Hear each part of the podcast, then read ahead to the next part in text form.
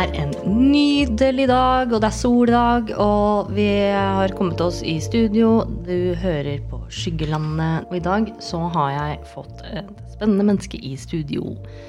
Uh, Viktor uh, har flere roller, og fordi at uh, han vil være anonym, så tar vi den, den episoden her på engelsk i all hovedsak. Victor, welcome to studio. Could you please tell me who you are and what your role are? Yeah, uh, my name is uh, Victor uh, Erheim, and I use he, him as pronouns. Uh, and I'm the leader of the Norwegian BDSM organization called Smil Norge, which is a uh, political BDSM organization. Uh, what we do is primarily work on academic lectures. Um, we hold um, conferences. We've made a BDSM brochure supported by the Norwegian Health Department, and um, we also, uh, yeah, uh, try to uh, write articles and attend prides all over Norway. Cool. So you have a lot to do then. Yeah, we do. Yeah. Uh, I'm very proud of my board and what we've uh, accomplished. Yeah, and the fact that you are supported by the Norwegian Health Department is quite important because there is a lot of work to do in this area. Uh, and and tell me, uh, you attend Pride parades all over the country, and you also have a, a, conference once a year, right? So we met at the Kink Friends a couple of weeks ago, yeah, right. and that was a great, uh, great conference a lot of work put into that conference. How is uh, the days after? they were very. Um, the air was out of the balloon, so to speak. So we um, was a lot of uh, napping and a lot of um, rest. But yeah. uh, everything's fine now, and now we're ready to, to do more. Great. And you have been in this uh, city to hold um, a speak, speech. Uh, mm. Could you tell me a bit more about that? Yeah, I held a lecture for the psychology students in uh, Trondheim mm. through the organization POPs, uh, which is a student initiative because they didn't feel they have enough um, focus on sexuality during their studies. So POP, it is an organization for. Yeah, it's a psychology students. Uh, it's like psychology students about uh, psyche and sexuality. So its initials are POPs. Cool. And the reason for the lecture is to give psychology students an intro introduction in give me some background here. Yeah, so the the background is that uh, we have realized that a lot of uh, professions that should have known a lot about uh, norm-breaking sexualities like BDSM and poly and asexuality, mm. they they don't often know much more than other people. They sit with many of the same prejudices as other people. They don't have anything of it in during their studies, so they're usually blank.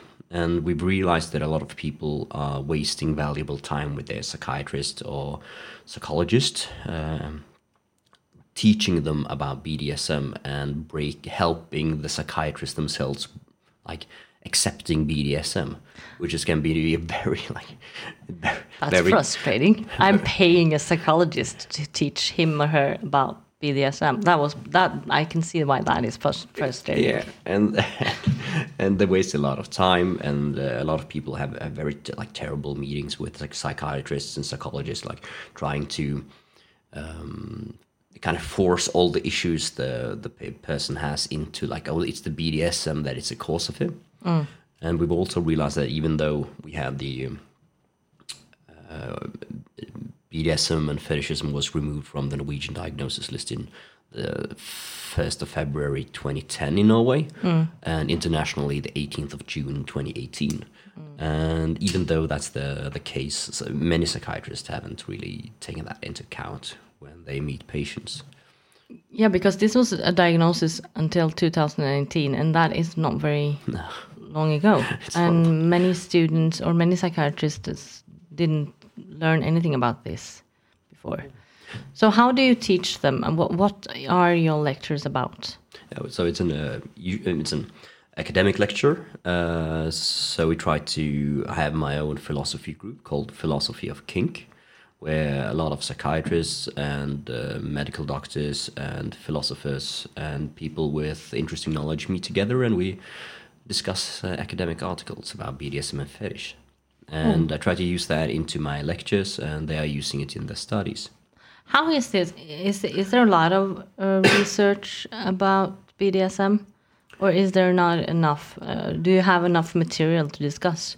Uh, yes, uh, there's become more and more available. So uh, even though there's it's limited and very often it has bad methodology, um, the amounts of papers being published are quite a lot, uh, at least compared to earlier. So we have a lot of things to go through there. And you say it has bad methodology, so you have to go through it to find the good research stuff as well. Yeah. Yeah. So one of the huge problems about BDSM is that uh, we've had the diagnosis hanging over us for such a long time, and it's been so important to show us as uh, we are regular people like everyone else. uh, and I believe it's it's true truth. Uh, where where if it feels like. I think I met uh, 2,000 BDSMers uh, during my life and, and kind of added them on, on Facebook and, and FetLife. But uh, the thing is that uh, I feel it's like a cross section of society in every way. Yeah. But, uh, How so? No, it's, you you have um, uh, people who are professors and people who are uh, business owners and people who uh, go to the social services and have low status jobs meeting in the same uh, pub or So this is actually about being a whole human being. yeah you can You that. actually, because BDSM is not uh, anything strange, and ev- everyone has their stuff in life. We all have our physical, psychological, and, and emotional stuff. And BDSM is not, nothing else from that. It's just being a whole human being. Are we so ashamed of this, or what are the reason why this is so taboo? Ah, because it break. I think it's breaking a lot of norms about what sexuality should entail. Uh, um, when it's not just about the penis and the vagina. No, There's- absolutely not. there's, There's so, so much many more. so there's so much more so so so right? You have the the whole emotion a lot of emotions that could be seen as, as negative in general sense are turned into something positive exciting and thrilling uh, to the person as well. And there's a huge like connection there. Um they and a lot of different areas on the body like um and using sensation play and uh, being whipped and, and the emotional dominance and submission uh, can really spice up um, sex life and feel a lot of emotions that we're usually limited to. Uh, bad things are now thrilling and, and fun. But this these kind of things are really um, taboo, and we do not talk about these things. And uh, and it's so important that you travel around giving lectures to to professions about this. Uh, what what do you meet? What what kind of stigma or things do you meet with people when you when you speak with them about this? Especially maybe doctors, psychologists. So one one of the biggest taboos around it is because of the early psychiatrists like Krafft-Ebing and Freud. They uh, diagnosticized BDSM as something sick, and it's kind of been the case for a long time. Um, so even during the seventies and eighties, there was a lot of like, oh, this is tr- definitely childhood trauma. That's uh, the cause of BDSM. And since no one had really a, a good reason for people being into BDSM, uh, they've kind of had the definition of the definition of power there. Like, why are people into BDSM? Well, are there more childhood trauma? Is Uh, there no. is there a basis in in research that says that this is None at all. None at As, Uh, so there's a lot of uh, there's a huge mass of um, uh, academic research done, uh, and none of it is confirming of uh, BDSM as more or less trauma than anyone else. okay? So I think that's very like it's one of the big questions uh, from the like 70s, but there's been none no ability to to to, to connect them. Okay.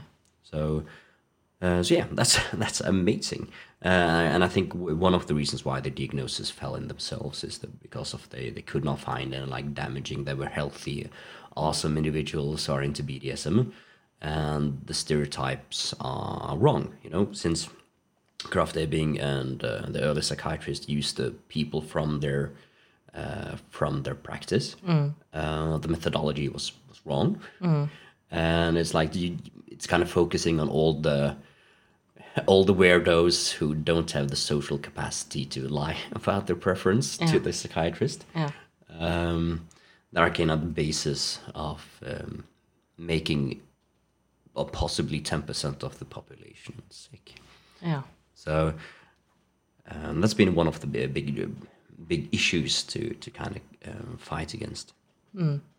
So when you travel around giving lectures, you talk about these things, and you have academic research in your back pocket when you do this. Um, but what are the most the things that mo- people are most surprised about when you give the lectures? I think one. I think. I guess the thing people are most surprised about is how many BDSMists there are, because uh, previously uh, we had some research, uh, and it said it was like ah, perhaps two percent of the population was into BDSM, but now we've had huge studies done in in uh, in several countries, and a lot of them are surprisingly high.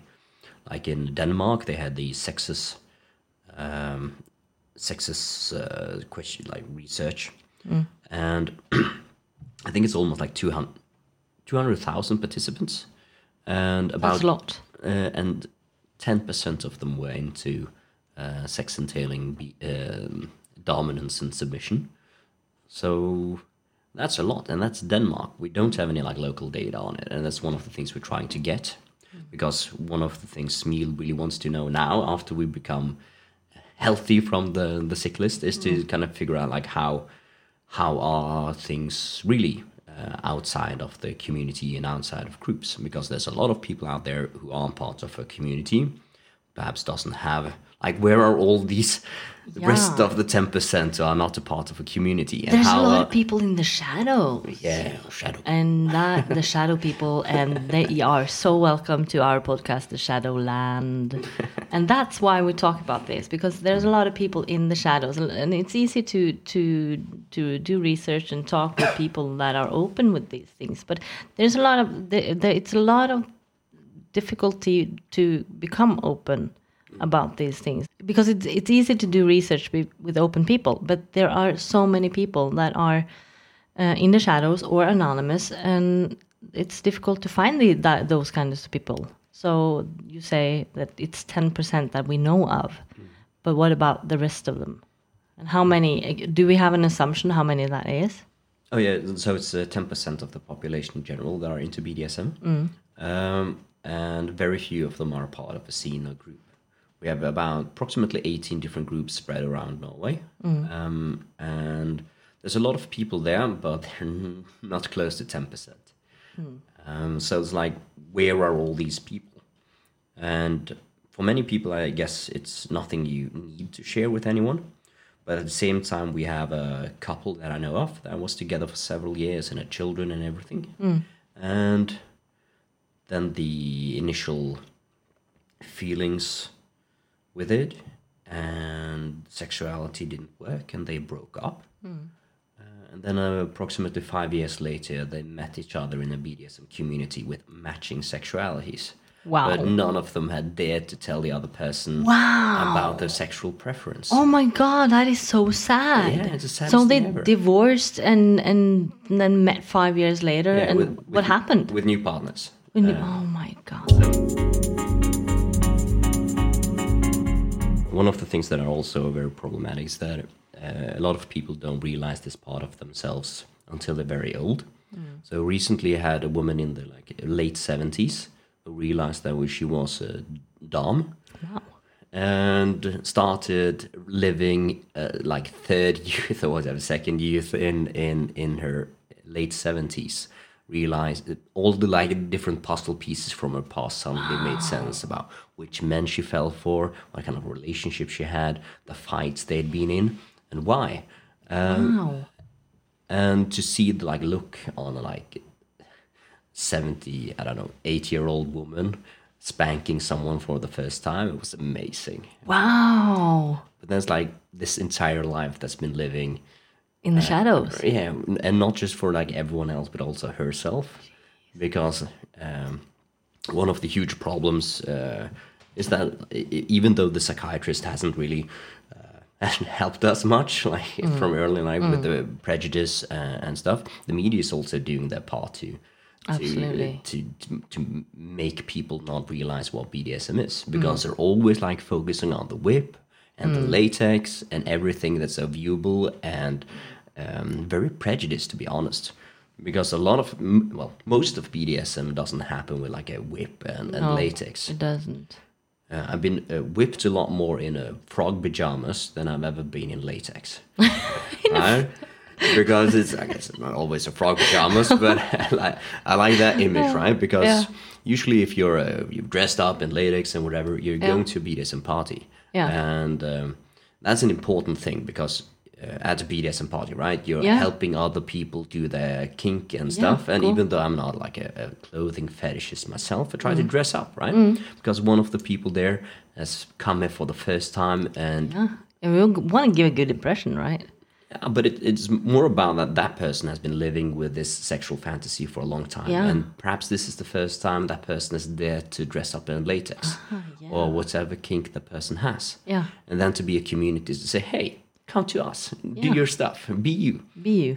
and to then meet a lot, a lot of other, other other people who dress similarly, even though they might not have that fetish themselves, uh, it's really nice. So we don't have those people in in blue jeans and white t-shirts uh, standing in a corner looking like tourists, No. because it creates a, a positive environment for people to be themselves.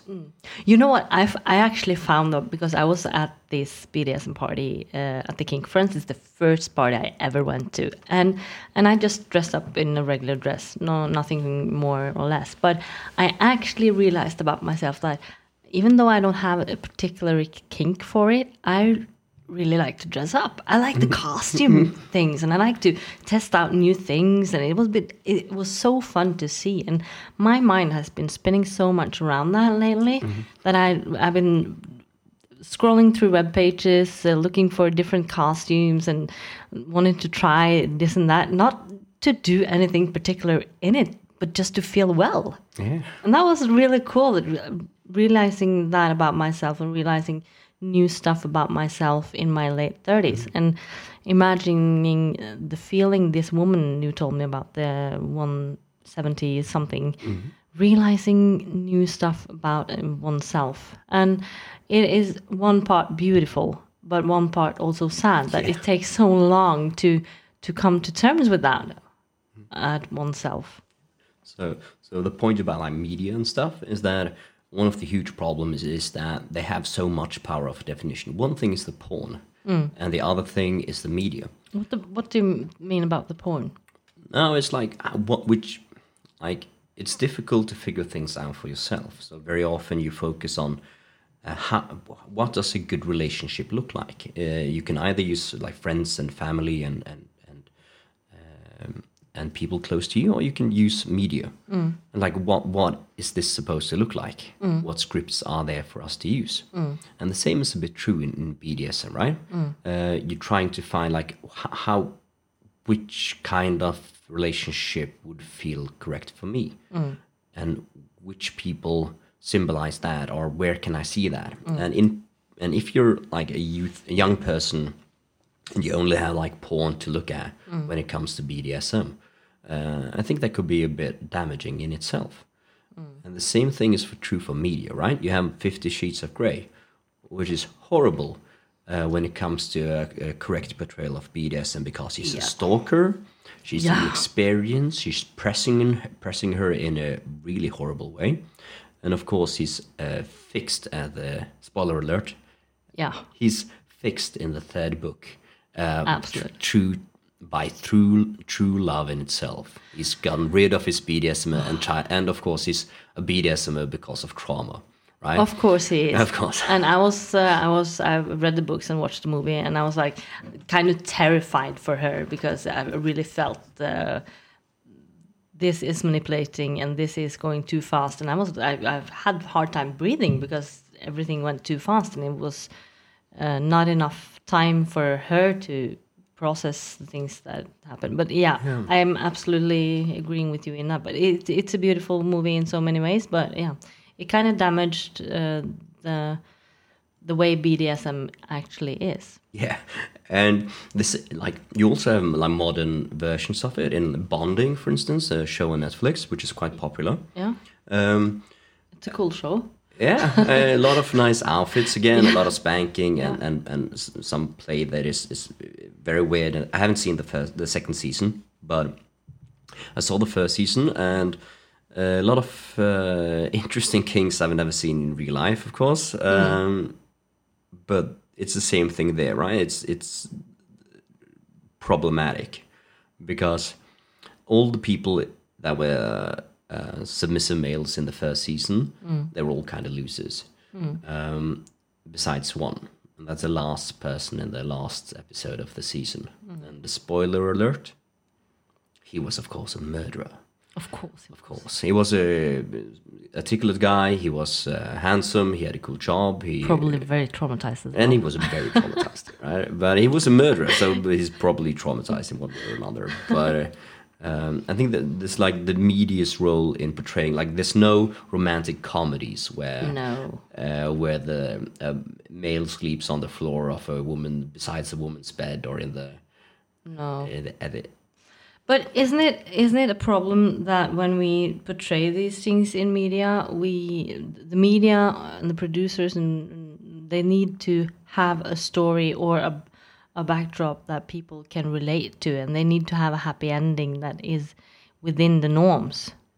Or how can we portray? How can we how can we show BDSM in a series without um, where we can really show what it is? Yeah, but this is but this is so much a part of the problem, right? Like, what is a happy life?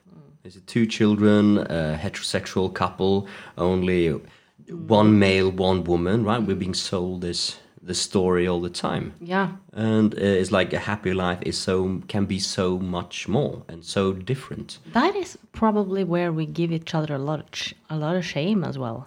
Don't you think? Uh, I think so a lot because you have these expectations for your children, you have this expectations for yourself, and to like follow up on it uh, is the norm. Breaking it gives you the look, gives you a questions about your choices in a way that following the norm never does.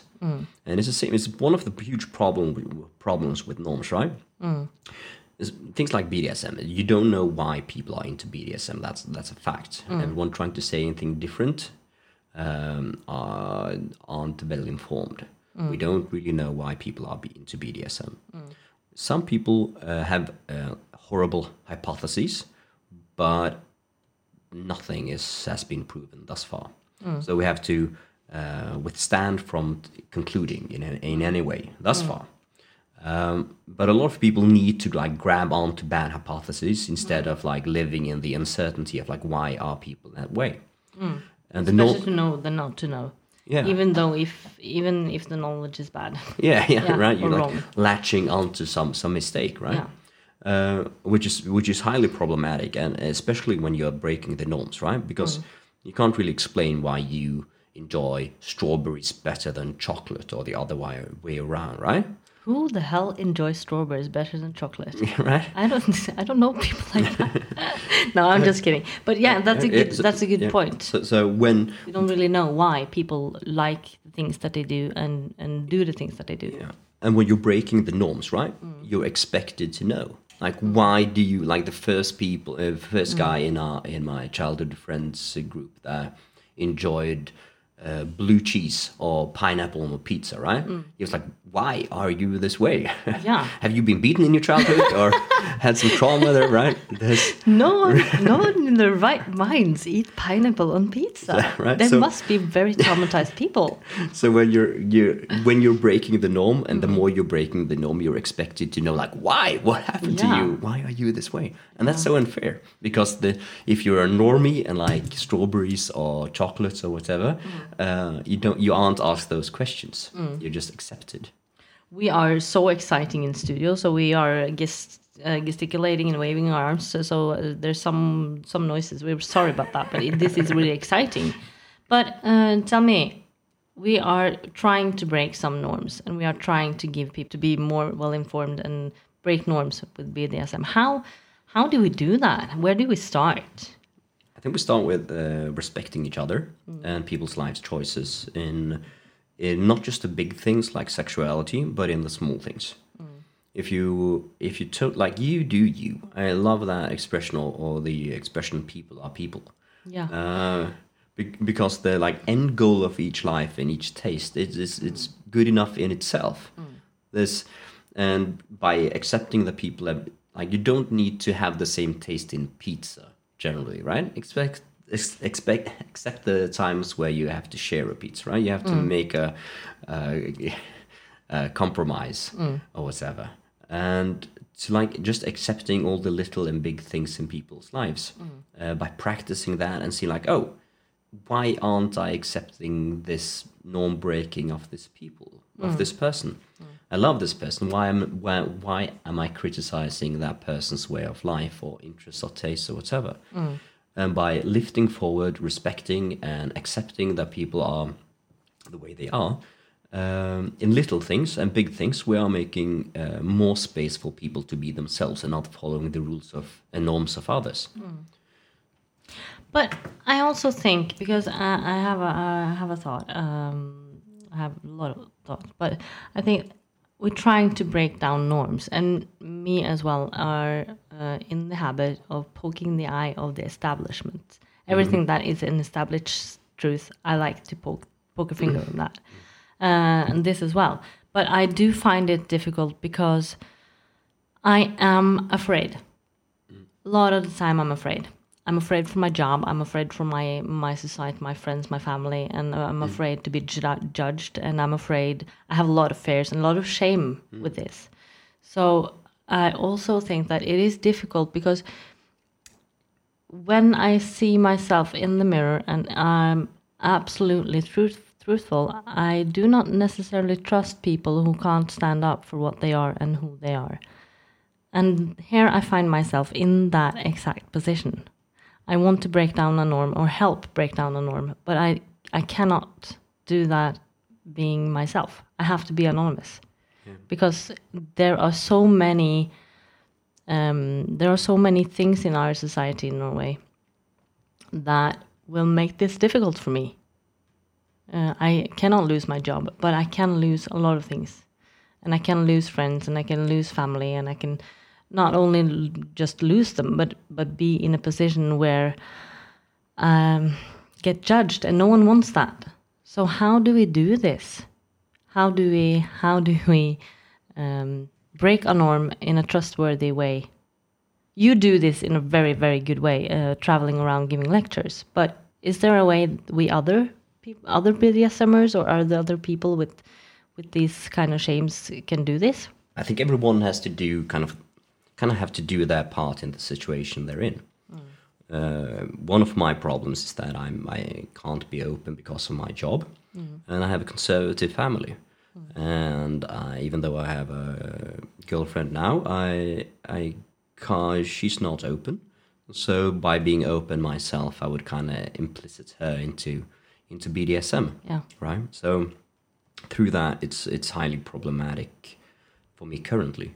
Um, and sometimes, right, this is a is a battle, but grandma is more important. I'm sad to say. yeah, well, absolutely. I'm I'm not sad to hear, but I'm sad to to hear that it's and I've difficult. Told myself that okay, I'll I'll revisit the question of being open uh, when my grandparents die, um, and then we'll see what happens. Um, but I have a huge fear, like being excluded by for who I am by the people I, I love. It's very difficult, and even the idea of it is very damaging. Uh, we're so um, we're so dependent on feeling a part of a group.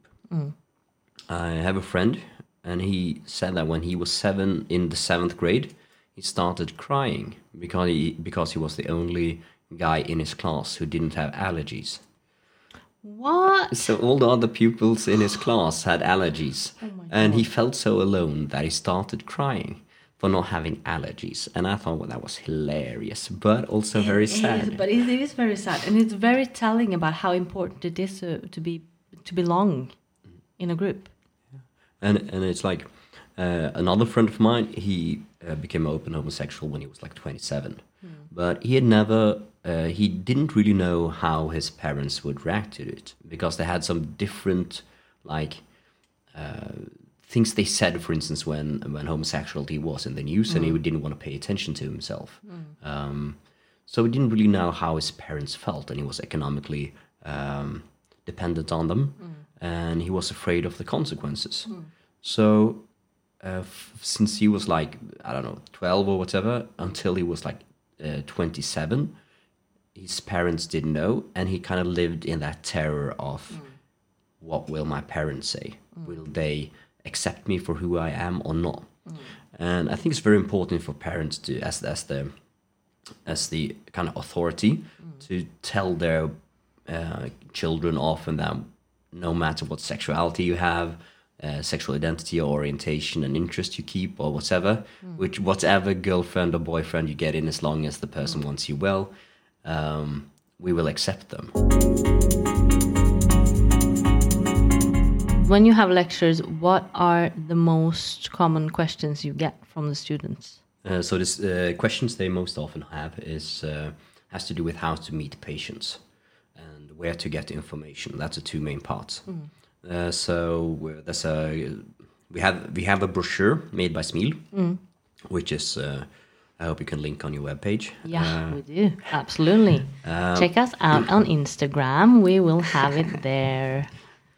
So, so that's a very like basis point for BDSM. Um, uh, to be honest, it's a one of the reasons I wrote so much of it is because uh, I wanted to write it to my younger self when I was twenty. What information would I need Yeah. when I was starting this out? Uh, so that's kind of the, the, like what's been in the back of my mind while writing, and also if I'm ever outed, I can kind of give this book to my parents or my boss Yeah. at work, Yeah. and like read this, and we'll have a common ground to discuss afterwards. Yeah.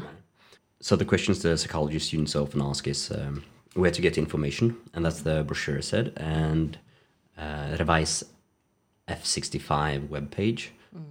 There's a BDSM researcher called Sveinscheid who um, who did a lot of good good work collecting research and putting it on a website. Yeah. Uh, in addition, uh, there's a book called Powerful Pleasure by Moser and Kleinplatz uh, from 2005, which was a really like nice collection of of um, BDSM academic articles, uh, which I would highly recommend. Yeah. Journal of Homosexuality, I believe. I have two questions about that. How do they meet the patients? And uh, afterwards, we'll talk about uh, is there more depression and, and troubles within the BDSM community because of people can't be open with this and the anxiety that we actually wear because of this? So, the patients first, how do we want to be met? Yeah. So I think there's uh, four things. Uh, where to be met with that this is, uh, um, is it's normal. It's normal for it's normal form of sexuality. It can be done in a safe way, and help them kind of show them show them where they can find good information about this. And that there's relatively many BDSMers, uh, and um, and kind of spread the research they do know to them. That this is a, a totally fine thing and can be very enriching for one's life and a lot of fun and a great sexuality, to be honest. Uh, but there's a lot of prejudice. Yeah. So one of the things that uh, what we know about the psyche of uh, BDSMers and uh, how we're really doing, we have no idea. Uh, a lot of uh, research has been done on BDSMers, but it's always been in a group. It's very often self-reporting, and so people who are in a BDSM community have uh, higher IQ, are more social, are more uh, read up on current events. They um, have longer lasting relationships. They um, uh, have better mental health than other people. So, That's- this is quite the opposite that what we thought in the beginning. Yeah, but that's also within the BDSM community. Uh, we have no research that's been done anywhere. We, we can follow BDSMs over time. And that's one of the things we're really hoping can happen as, as Smilnorge, right? Because uh, we have no idea uh, about how it's going with the people who aren't a part of a community, the shadow people. The shadow people. right? Yeah. Because the the government has a, they don't want to touch it, right? Yeah. They don't want to see like how is it going with BDSMs uh, and how and how does it develop over time, right? Yeah. So when we know about 10% of the Danish population is into BDSM, hmm. like are there how are they doing? We have no idea. And and it's something that keeps me up at night Yeah. because uh, I know when I was younger and didn't have a vocabulary, didn't have a community, hadn't hmm. met BDSM as yet, I hmm. sat with a lot of the same prejudice as other people do. I was surprised when I went to my first BDSM meeting in Bergen and I walked straight uh, past the table where people sat because they looked so normal. They didn't You, look didn't you didn't see that they were BDSMers? and I was like, where are these weirdo freaks I've been discussing with online, right?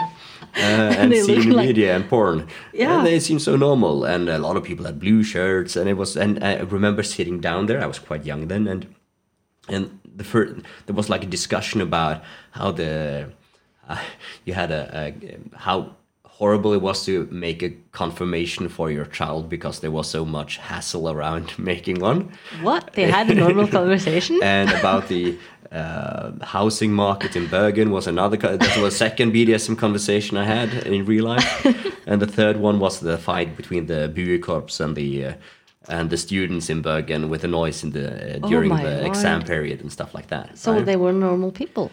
Yeah, How weirdly shocked I- you- I you was shocked. Where- Who are these people? Why? Why are these people so normal? and I was and I was was uh, I was set aback because I, I I- I had of course a view from media and porn and discussions online. Yeah. right? and and one of the things that is important is to get all the like normies normie BDSMs out there because usually uh, people are often confirming stereotypes in media, uh, not Yeah. not really getting them to this like getting rid of them. Like I remember the first season of Trekant. There's uh, at NRK. There's like uh, all of the males there uh, had a beard, had tattoos, were bald, and had a leather couch, uh, which uh, was uh, a review from Brita at NRK, and I, I loved it because I felt so. It felt I, I f- it felt really like so, I love many of those people who were part of that episode, uh, but uh, the BDSM community is so much broader in in every way. And I think we we need to be honest about one thing because you say this that you were shocked when you saw these people. They were quite normal, and we all have prejudice. We all judge people in one way or the other. I I f- feel like I'm most open-minded person on the planet, but I also have some prejudice about things, and I need to look myself in the mirror and address that and be open that okay, I do judge people, but can I take a break and stop and ask myself, well, why do I do that? Because it is hurtful for both myself and other people to, to do that. When you give lectures to students, what kind of research would you could you wish you had to lean on? So the most important part uh, is, I said, the uh, the national huge surveys to be accepted there because, as I said, we don't know how it's really going. But as a community, I think we need to um, get more research into how important BDSM is for people because I think a lot of people look at it as um, a practice, something you do in the bedroom and nowhere else, and not like an identity. Uh, some of the same problems with uh, that homosexual uh, sexuality had before. That it was homosexuality, it was focused on on on um, anal sex, and not that it's a part of your identity, right? So a bit of it is true with BDSM, right? It, it changes how a people, what person they want to be in a relationship, uh, where they want to live, where the, what kind of work they do.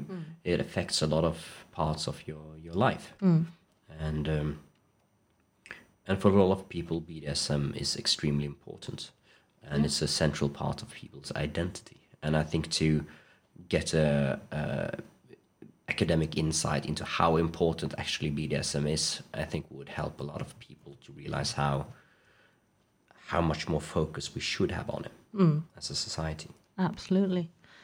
So when people come here and I have discussions within BDSM uh, topics, I always ask the person in studio, in your opinion, is BDSM a sexual orientation or is it more connected to your identity? I think it's a difficult question. Uh, I. It depends on how you define it, right? Because we don't have, we have legning in Norwegian and uh, sexual orientation as well. And uh, legning is usually just uh, has to do with uh, gender, uh, I guess. But then it's like it's at least a sexual orientation, at least. But then it's like, what is uh, legning, right? Um, for some people, it's the most important part of their sexuality. I don't care about what uh, gender the person is, but it's important that it's into BDSM, right? And people define themselves perhaps first as BDSMers and then as a, for instance, um, lesbian afterwards. It really depends on the relationship, and it's not something you choose. It's been there since the, the people's sexual awakening. Usually, it's not something you can get rid of. Um, you can't be cured of BDSM. Um, it's something that is quite stable through your life usually, but it changes a bit. But it, there's usually a, a general idea that continues throughout one's life, and yeah, it's usually a huge part of someone's sexuality. Yeah, it is. So, what do we? Uh, what do you want to? Um, if you can give a recommendation or uh, say something to the people in the shadows of the Shadowland, uh, what would you say? Because there's a lot of people living this in the shadows, and and there's really different reasons why they do that. Some of them are ashamed. Some of them are afraid. Some of them are in relationships that it does not open up for BDSM, and some of them have jobs, family, um, etc., etc. How would you? What, what kind of? What would you say to these people? I would, uh, would recommend reading a brochure first, uh, but then go to the. Uh, there's a lot of um, groups all around Norway, 18 of them, and there's also Discord that you can be anonymous on and then get connection with people there and get friends, um, which makes it all uh, a lot easier. Uh, because when you have uh, meet a lot of other people and you see that they are kind of normal as everyone else, uh, it's easier to um, accept yourself for who you are and gives you a, a lot more strength when meeting with the norms of society um, to get that connection with other people and not just know it intellectually but also experience that people are people and Yeah, and experience that you are being accepted for who you are, regardless of who you are, uh, and with your whole personality and all of those things. I've realized like the friends I met uh, the last like 10 or so years outside of work, Yeah. all of them are into BDSM because like the possibility to be your entire self and be Mm. accepted for that is more, is so important, right? Yeah, Not living the, your shadow life uh, Yeah. absolutely. outside of other people, right? Uh, So I, uh, it's not the same with people from work or people I've been childhood friends with, which I do love. Um, to be oneself, right? Not being, not having to lie all the time. It's really amazing. Yeah, and I feel like that as well. And I've been I've been struggling with loneliness actually because of this because uh, I feel like people only like or love certain parts of me, and the parts of me that I can't show them are shadow parts or the, the these parts. They're not accepted, and therefore I am not good enough. So that and, and girls, especially we women, women, we struggle a lot with I'm not good enough. I'm not uh, being the perfect girl that I'm supposed to be. I'm supposed to be a good girl and get everything right. And and when we have these sides, we are not good enough, and that tends to bring out a lot of loneliness because you are not whole, and you cannot be the whole you that you want to be, and you cannot be loved for the whole you that you want to be. And that is so painful and it's so lonely. And there's been a lot of depression because of that, actually. So, uh, to the people who are living in the shadows, in the Shadowland, please do check out smil.no and and uh, Google Discord, find groups, and check out your local community because you can um, you can find friends and you can find people that you can talk to without being uh, coming out of the closet or without still be anonymous. Hei, det er Regina Aries her i Kinkologens hjørne, og nå skal jeg snakke om petplay. For petplay er en veldig gøy måte å ha rollespill på. Eh, Det kan være seksuelt eller ikke seksuelt. At man bare rett og slett leker og syns det er gøy å være i den karakteren som et eh, dyr. Um, og at man har en periode som man gjør det, og så, og så ikke noe mer. Eh, Eller så kan det være at man leker som et dyr med inngang til at det mm, også er en seksuell lek videre inn i settingen. Um, med forskjellige typer dyr så er det forskjellige grunner til eh, hvorfor man egentlig søker til det. Det er en underdanig, i prinsipp, underdanig um, opplevelse å leke som et dyr, for at man har da gjerne den motparten som er en mester eller en eier, som dirigerer og eier dette, dette dyret, og så bestemmer over det. Men det kan også være en eh, likestilt lek. Eh, hvis man har en primal uh, og en sånn litt sånn kampslåss-ønske, så kan man uh, leke med dette villdyret, sånn som tiger og løve, eller man er en ulv, kanskje en slange. Eh, Et, et, noe sånt, eller vilt kattedyr. Det, mm, det er også veldig spennende. Også da kanskje det er en lek om man skal bli temmet eller fanget, eller man skal faktisk få overhånd som det dyret, og så spise eh, og få tak i sitt bytte. Så da kan man være til og med en motpart som er underdanige, som er kanskje en mus eller en kanin, kanskje et dådyr. Kanskje man eh, har det som bytte, og så er det en sånn primal urinstinkt-lek der. Um, Men i en sånn eh, mester- eller eierrolle med et eh, kjæledyr, som en hund, katt, kanin og en ponni, gjerne, en hest, så er det um, om den nære kontakten mellom eieren og dyret. Eh, Katt er jo det representativt at det feminine, så den kan være litt vanskelig. Den kan være nesten litt bratty. For eieren må trygle og be litt der for å få katten til å gjøre egentlig det den vil. Eller så er det om å få så mye kos og kjærlighet og være, uh, sitte på fanget og male og ha nydelige kostymer med deilig pels. Uh, um, gjerne fuskepels. Uh, og være sånn, Bare være i nuet som en katt er, og ikke bry seg da egentlig om om de regningene og de andre tingene som man må gjøre, og jobben og alt andre. Så man får den der fritiden der. Og det, um, at eieren legger til rette for at det er uh, en fin stund da mellom sitt kjæledyr og, uh, og seg. Uh, Med hund og hest så har du uh, masse gøy med disiplin og dressur.